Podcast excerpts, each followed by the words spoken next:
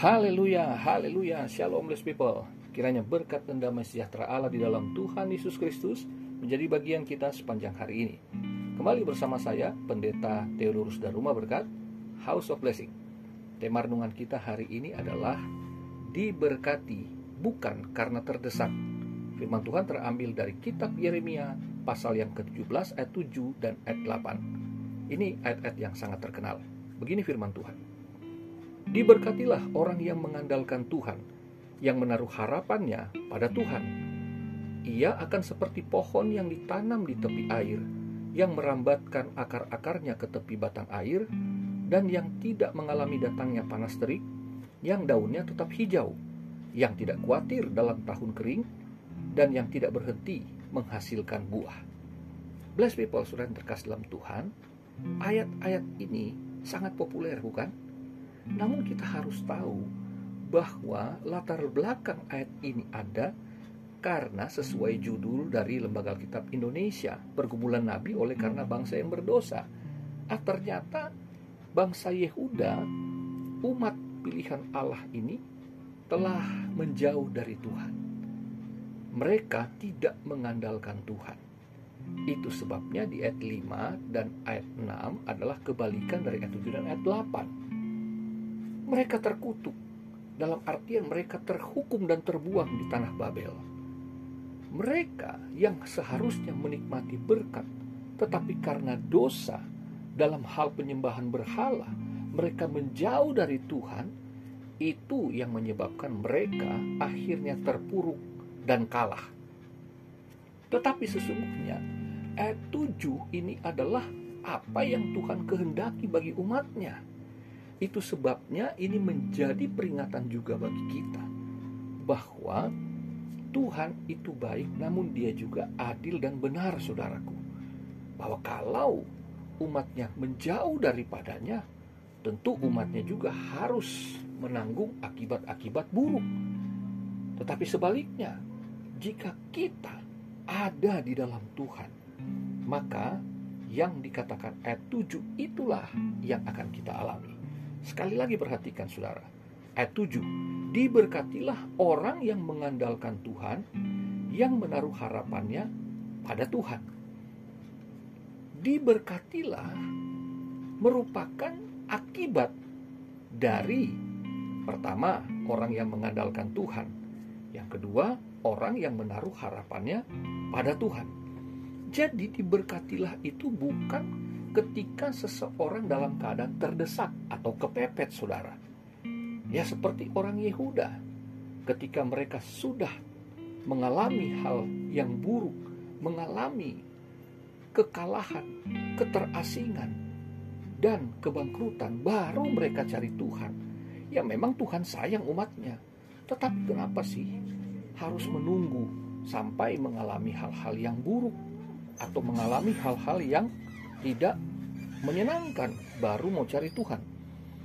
Nah, di sini kita melihat ya bahwa orang yang mengandalkan Tuhan, orang yang menaruh harapannya pada Tuhan, ini bukan sesuatu yang sekonyong-konyong ada pada saat terdesak.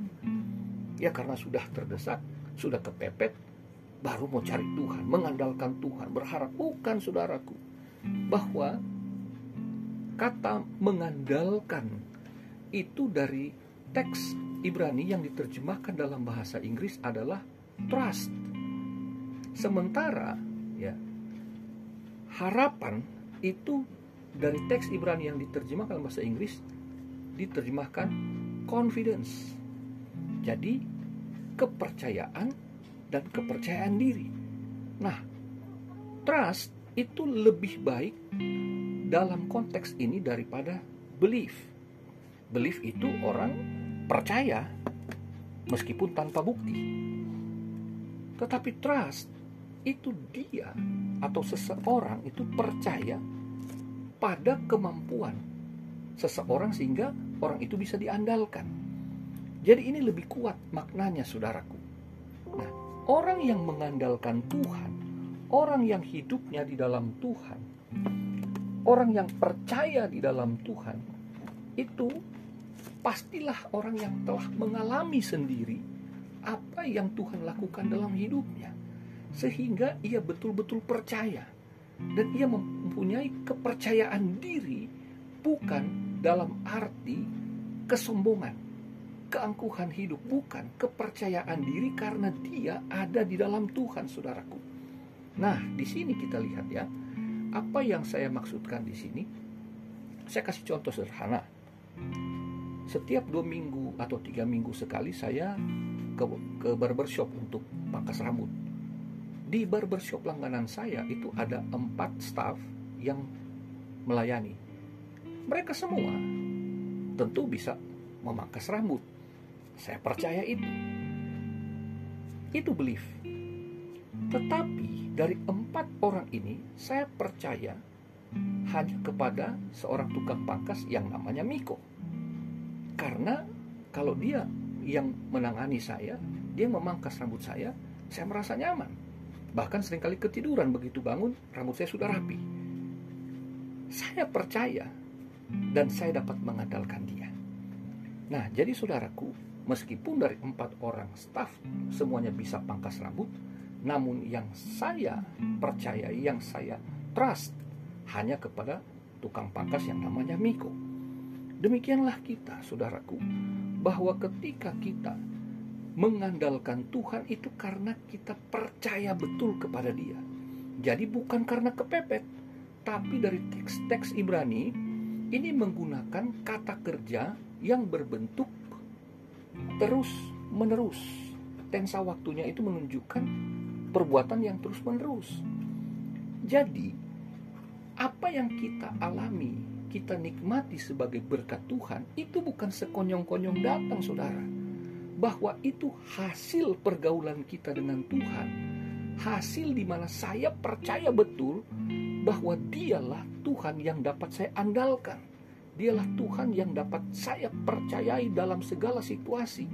Jadi bukan hanya kepepet dalam segala hal baik suka maupun duka saya tetap mempercayai Allah mengasihi dan senantiasa memberikan saya kekuatan untuk saya melakukan perkara-perkara yang Tuhan kehendaki dalam hidup saya. Saudara yang terkasih, bahwa kepercayaan penuh ini yang membuat saya percaya diri, yang membuat saya mempunyai harapan ketika situasi dan kondisi rasanya tidak berpihak pada saya.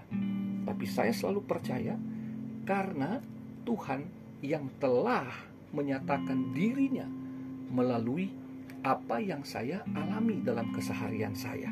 Itu sebabnya di ayat 8 diparalelkan, diandaikan orang yang mengandalkan Tuhan dan menaruh harapannya pada Tuhan, ia akan seperti pohon yang ditanam di tepi air. Kalau dari teks Ibrani, dia bukan akan, tapi ia seperti pohon. Ia sudah seperti pohon. Ya, itu dari tensa waktunya bahwa seseorang yang diberkati Tuhan karena kehidupannya itu seperti pohon yang ditanam di tepi air yang merambatkan akar-akarnya ke tepi batang air. Artinya ini satu kehidupan yang intens di dalam kehidupan rohani kita dengan Tuhan. Di dalam hal doa kita, penyembahan kita, pembacaan dan perenungan kitab suci firman Allah yang hidup itu telah meresap ke dalam diri kita sehingga makanya meskipun ada tantangan, meskipun ada masalah, kita senantiasa percaya bahwa selalu ada kebaikan-kebaikan Tuhan di balik semua hal-hal yang kelihatan dan terasa buruk ini, saudaraku.